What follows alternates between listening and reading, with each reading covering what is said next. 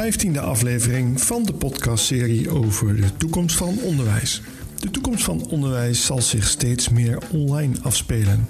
Deze podcast is bedoeld voor alle trainers, coaches, opleiders, leraren en docenten die online les willen geven. In elke aflevering zullen we verschillende facetten van online leren bespreken. Je zal merken dat het beslist niet alleen gaat over de inhoud van een cursus of lessenreeks. We duiken ook in alle processen die erbij komen kijken om een cursus of training daadwerkelijk online aan te bieden. Met een online cursus kun je veel meer mensen bereiken dan voorheen. En daardoor kan je ook veel meer mensen opleiden en trainen dan voorheen. Maar dan moet je wel snappen hoe dat online precies werkt. En alle processen rondom jouw lesinhoud moeten kloppen. Naast de inhoud van de les natuurlijk. Het automatiseren van dergelijke processen rondom jouw online cursus of training is een rode draad door alle afleveringen. Ben jij iemand of ken jij iemand die een online cursus of training aanbiedt? Bijvoorbeeld een muziekles, een talencursus of een online sport- of bewegingstraining? En ben je bereid om jouw kennis en ervaringen te delen? Dan ben ik op zoek naar jou. Maar nu gaan we eerst luisteren naar mijn gesprek met Martine Mingaars. Martine gebruikt design thinking in haar lespraktijk bij Fontis Hogescholen. Ze gebruikt het ook in haar eigen bedrijf, waarbij ze design thinking gebruikt om klanten te helpen met design sprints. Martine Mingaars werkt bij Fontis Hogescholen bij de opleiding Commerciële Economie IMES en dat is een onderdeel van Academy for Creative Industries. Martine is van oorsprong opgeleid als gymdocent en daarna heeft ze vrije tijdsmanagement gestudeerd in Tilburg, waarna ze als projectmanager ervaring heeft opgedaan bij de Koninklijke Nederlandse Hockeybond. Al die kennis en ervaring neemt ze mee naar Fontes Hogescholen. En dat maakt mijn gesprek met Martine extra bijzonder. Mijn naam is Ronald Scheer. Vandaag ben ik de gastheer van deze aflevering en ik wens je heel veel plezier bij het luisteren naar mijn gesprek met Martine Mingaars.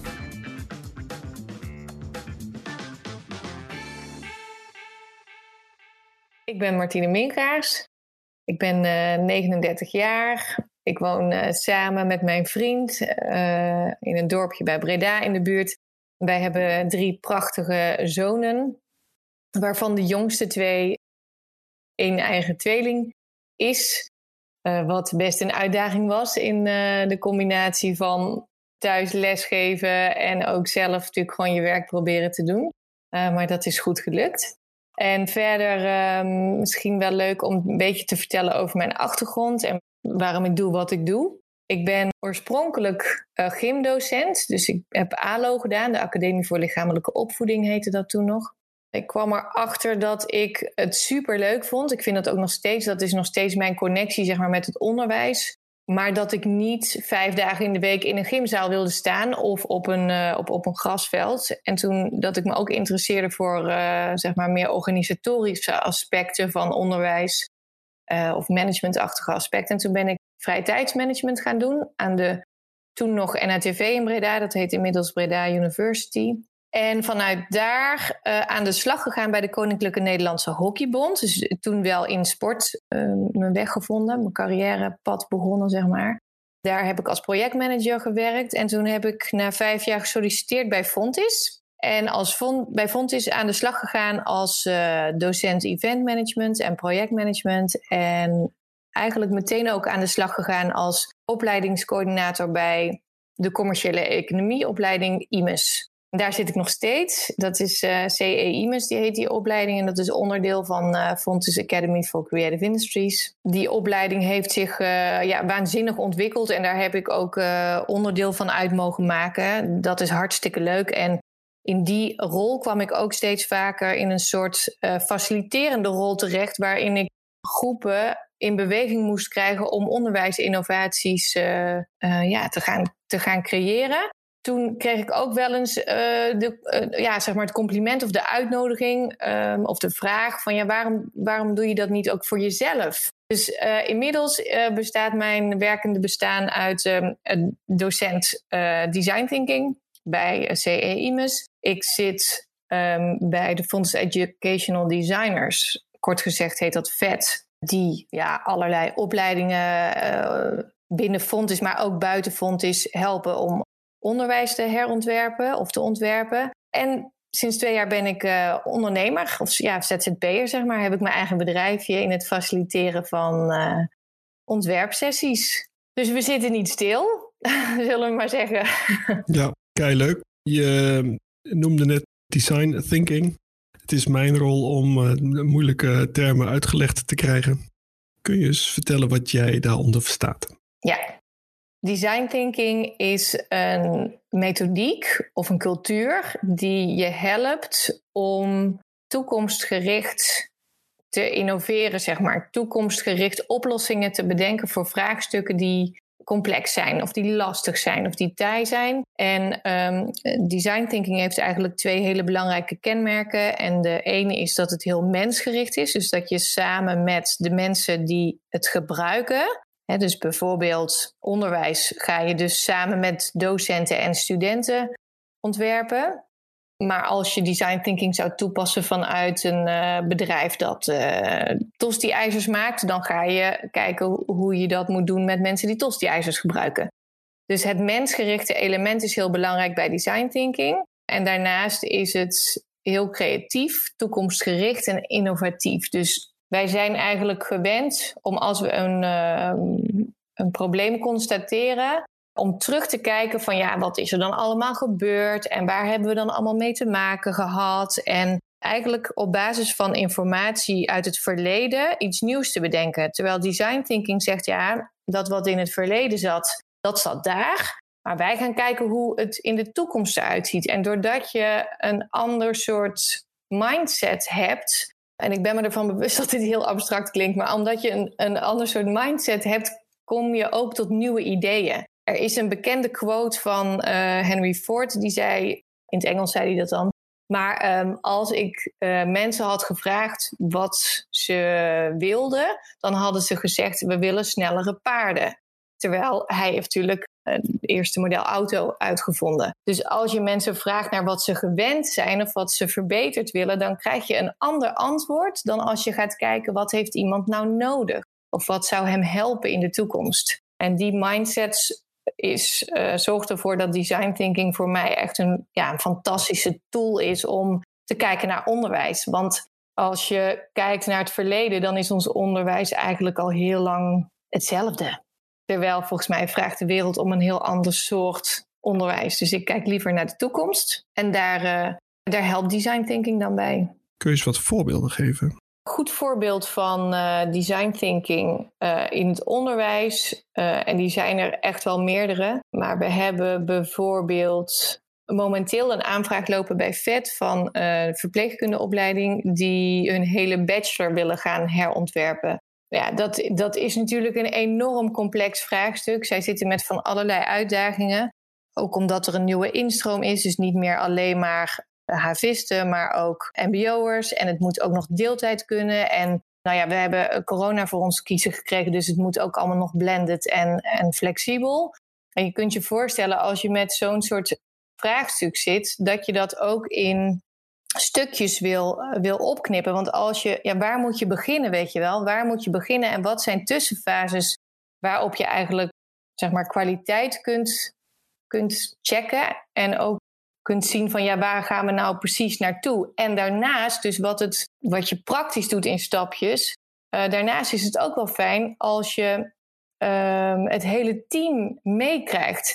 Ik zeg altijd zo, bij design thinking doe je eigenlijk twee dingen. A, je ontwerpt iets, dus dat is in dit geval dan bijvoorbeeld een nieuwe bachelor of nieuw onderwijs. Maar B, je moet het ook met z'n allen begrijpen, want er is natuurlijk niks zo vervelends als iets nieuws voor je kiezen krijgen waar je het helemaal niet mee eens bent. Dus we, je hebt eigenlijk de, boven, de bovenkant, hè, wat zichtbaar is. Dus bijvoorbeeld een nieuw curriculum, een nieuw rooster of een nieuwe handleiding of een nieuwe minor. Maar je moet ook met je team van docenten er klaar voor zijn om dat uit te voeren. Want alles valt of staat bij de uitvoering van zo'n nieuw stuk onderwijs ja, design thinking helpt daarbij door eigenlijk wat ik net al zei. Hè, je, je ontwerpt samen met docenten en met studenten en liefst ook met werkveld. Dus dat je alle betrokkenen eigenlijk aan tafel hebt. En je doet dat ook middels stapjes die ja, eigenlijk behapbaar zijn voor iedereen. En die, die stappen is misschien wel aardig om even te noemen. Dat gaat dan om empathize, define, ideate, prototype en test. Dat zijn eigenlijk de vijf fases die je doorloopt. En waarin design thinking uh, ook iedere keer zegt je, je kan ook weer terug. Je kan ook loopjes maken. Hè? Dus het is een soort iteratief proces waarin je cirkeltjes maakt eigenlijk door die vijf uh, stappen. En de stap waar we het langst mee bezig zijn en waar je ook altijd mee begint, is de empathize fase. Omdat het bij design thinking zo super belangrijk is dat je je onwijs goed beseft voor wie ben je dit nou aan het maken. Kijk, de docenten moeten het natuurlijk wel uitvoeren, het onderwijs, maar het onderwijs is voor studenten. En uh, uiteindelijk komen die studenten in het werkveld terecht. Dus dat zijn eigenlijk je twee ja, klanten, zeg maar, of de twee belangrijkste doelgroepen waarvoor je iets uh, maakt. Ja, dus minor kun je herontwerpen, je kunt een hele bachelor herontwerpen, maar je kunt ook binnen je eigen vakgebied aan de slag. Als je zegt, ja, maar wij zijn met onze vakgroep marketing en wij willen eigenlijk ons hele programma op de schop gooien, want we zien gewoon dat we een ander soort eindresultaat willen. Um, of we merken dat studenten wel leren voor de toetsen, maar als ik ze drie maanden later nog eens een keer vraag of ze daar nog iets over weten, dan zijn ze het allemaal alweer vergeten. De kenniseconomie is echt wel aan het verdwijnen en we moeten studenten toch ja, op, een, op een ander soort manier die kennis laten ontdekken eigenlijk meer. ze hoeven het van mij niet meer te onthouden als ze maar weten waar het staat, bij wijze van spreken. En als ze het maar kunnen vinden en kunnen toepassen. Wat er dus ook, wat mij betreft, betekent dat je ook met onderwijs bezig moet zijn. Dat, je, dat studenten straks niet meer weten van wat was nou precies dat ene model wat we bij marketing gebruikten. Maar dat ze weten, ja, toen hebben wij een evenement georganiseerd. En daar moesten we uh, onze marketing goed op orde hebben, want anders hebben we die kaartjes niet verkocht. En toen hebben we deze stappen genomen om die marketing op orde te krijgen. Dat vind ik interessant en dat is iets wat je na vier jaar ook nog uh, kunt herinneren. En niet meer dat ene model of dat hoofdstuk of die moeilijke toets of weet ik veel. Kun je vertellen met welke bedrijven je samenwerkt en kun je vertellen met welke collega's je samenwerkt? Bij de Fonds Educational Designers werken we samen met, even uit mijn hoofd, negen mensen uh, van allerlei verschillende instituten van, uh, van Fontis. Dus er zitten collega's bij van de Paramedische Hogeschool, van de Juridische Hogeschool, van de Hogeschool voor de Kunsten. En op die manier hebben we ook een dynamisch team, waarbij we dus ook heel veel verschillende opleidingen van Fontis kunnen voorzien van concrete voorbeelden. Hè? Dus dat heette toen nog Fontis Hogeschool voor Marketing Management. FHMM in onze Fontis afkortingen. Die kwamen toen bij ons. En dan is het fijn als ik uh, hun help faciliteren, omdat ik ook kennis heb over marketing bijvoorbeeld. Maar nu we bij verpleegkunde aan het ontwerpen zijn, is het weer heel fijn dat we een collega erbij hebben van paramedisch. Omdat je toch beter het werkveld kent. En daardoor ook beter de praktijk kent waar de docenten en studenten in terechtkomen. En we zijn nu bijvoorbeeld ook bezig bij de bachelor wiskunde. Nou, daar hebben we dan weer een collega die bij de master Frans onder zit, wat natuurlijk toch ook gewoon hetzelfde soort type onderwijs is, snap je? En dat, uh, dat helpt enorm. Vanuit het werkveld uh, ben ik uh, betrokken bij um, non-profit en profit bedrijven, die eigenlijk meer een soort van verandervraagstukken hebben. Dus gemeente Eindhoven uh, heeft mij een keer uitgenodigd omdat zij met een aantal organisaties samenwerkten die een gezamenlijk doel voor ogen hadden, maar toch ook een beetje conculega's van elkaar waren, omdat ze uh, dezelfde doelgroep uh, bedienden. Nou, toen hebben we in een drietal sessies gekeken hoe kunnen we nou nader tot elkaar komen en daar een soort van één geluid en één project van te maken. Ik ben ook in gesprek bij uh, een reclamebureau die weer op hun beurt um, bedrijven helpen bij het maken van marketingcampagnes. Maar zij zeggen ja, wij willen graag meer design thinking-achtig onze ontwerpsessies doen. Maar wat is dat dan voor hun? En zij willen bijvoorbeeld ook het onderscheid kunnen maken tussen design thinking en scrum en nou ja, allerlei agile-achtige methodieken.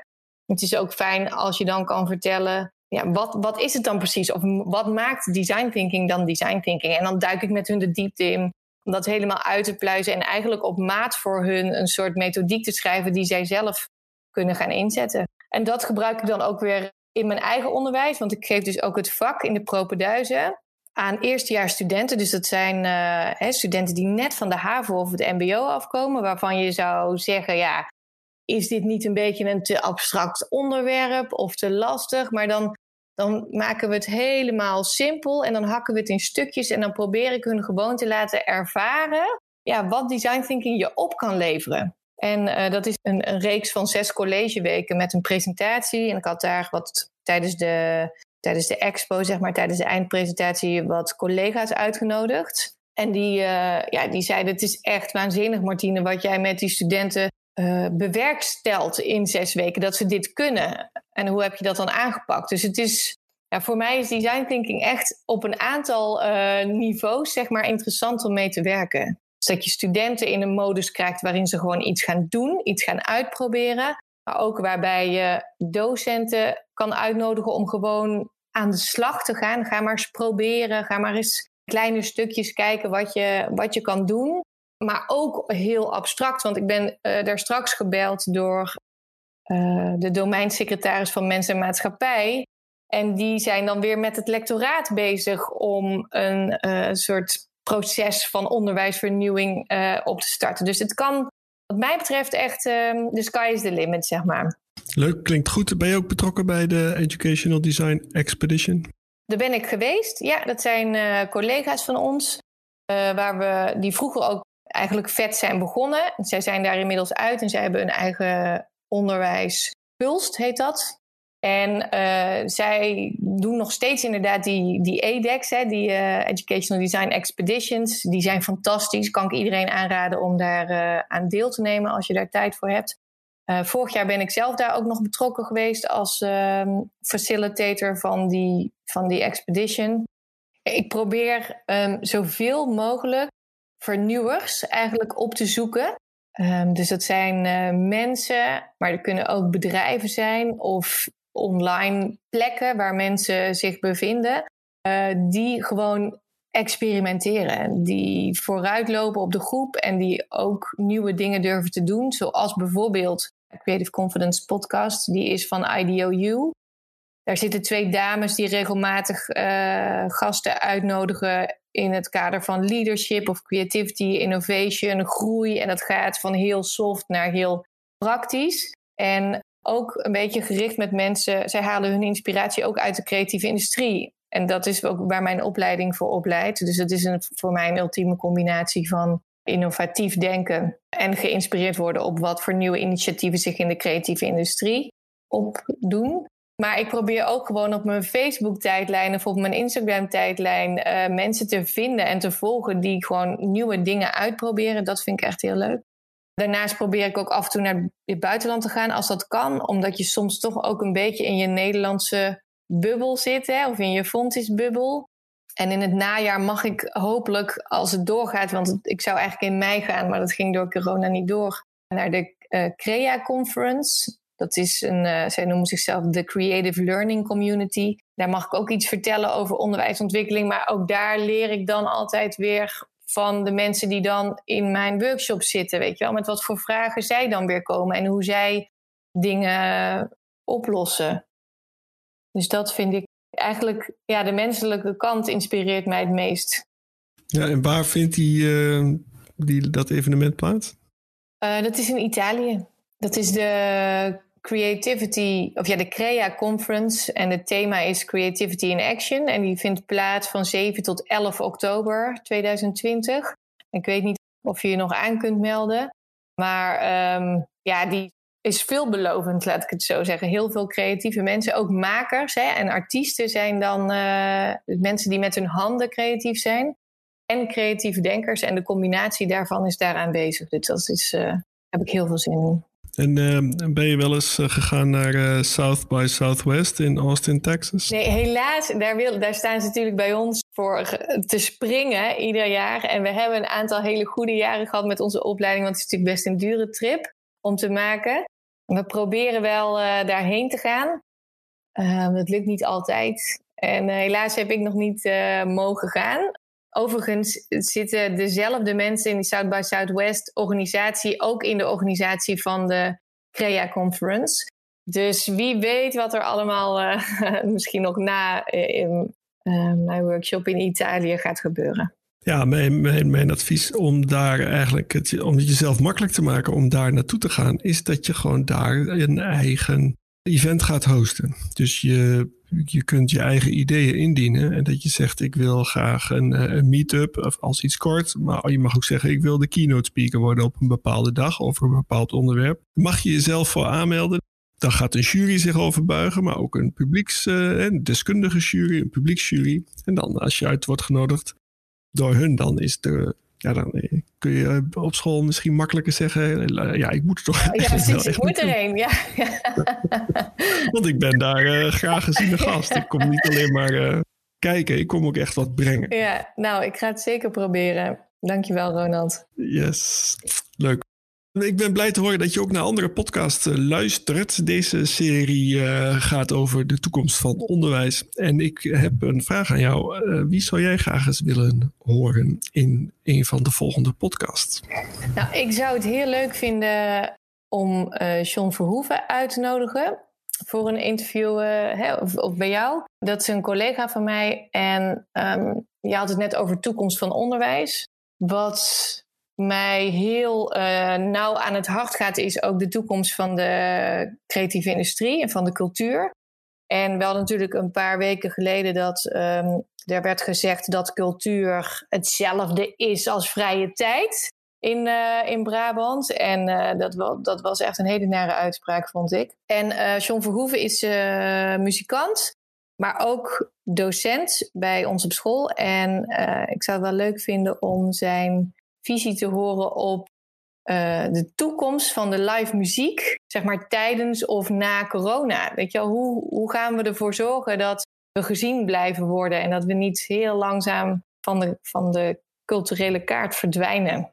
Want ik, ja, ik had onwijs veel zin om uh, lekker naar mijn festivals te gaan en naar live muziek buiten. Maar dat is nu allemaal een beetje naar online. En, en weet je, ik heb buiten, buitengewoon veel bewondering voor mensen die zichzelf nieuwe modellen uh, bedenken hè, en, en die uh, gaan livestreamen of wat dan ook. Maar ja, het bijwonen van live muziek is toch wel uh, een unieke ervaring. Dus misschien dat dat iets is. Ja, nou, kei leuk. Ik ken John nog niet, maar ik kijk er naar uit om hem te leren kennen. Ja, leuk. Afsluitend, heb ik nog iets gemist of zou jij zelf iets willen toevoegen? Je vroeg me ook naar uh, of er boeken zijn. En ik uh, heb er toevallig net nog eentje besteld. Dus die, ik dacht, misschien is dat ook wel leuk voor mijn collega's. Het is wel een wat marketing gerelateerd uh, boek. Het, is, het heet uh, Marketing Design. Met de subtitel Met Customer Journey Mapping. En het is van Eveline van Zeeland. En zij is inmiddels niet meer aan Fontis verbonden. Maar dat was ze eerst wel. Zo ziet het boek eruit. Um, met een zwart met witte voorkant. En uh, ik kijk er heel erg naar uit om daar um, in de zomervakantie lekker doorheen te ploeteren.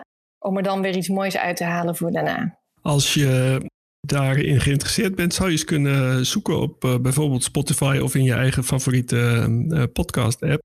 Ik gebruik Podcast Addict, maar dan kun je zoeken op de podcastserie genaamd Fontis for Society.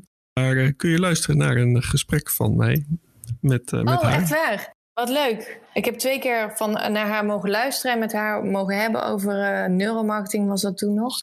Zij kan het zo lekker praktisch maken, dus ze is super slim. Maar dat is goed, ik zal daar eens, uh, ik zal daar eens naar luisteren, Ronald. Nou, super bedankt voor dit gesprek, Martine. Super, dankjewel Ronald voor deze keileuke podcast ontgroening als het ware. Het was een hele fijne ervaring en heel leuk om het met jou hierover gehad te hebben. Yes, heel, heel graag gedaan. Ik vond het ook uh, erg inspirerend. En het, is, uh, ja, het onderwerp is leuk. Uh, je, hebt, je vertelt het boeiend. En ik kijk ook uit naar een aantal tips die jij hebt gegeven om, om daar zelf eens in te duiken. Ja, graag gedaan. Wij gaan elkaar vast op korte termijn echt zien. voor nu was het online. Oké, okay, fijne dag en fijn weekend. Yes, insgelijks. Okay. Dag Martine. Doei doei. Hoi. Doei. Afsluitend wil ik de luisteraars bedanken en zeggen graag tot uh, volgende week.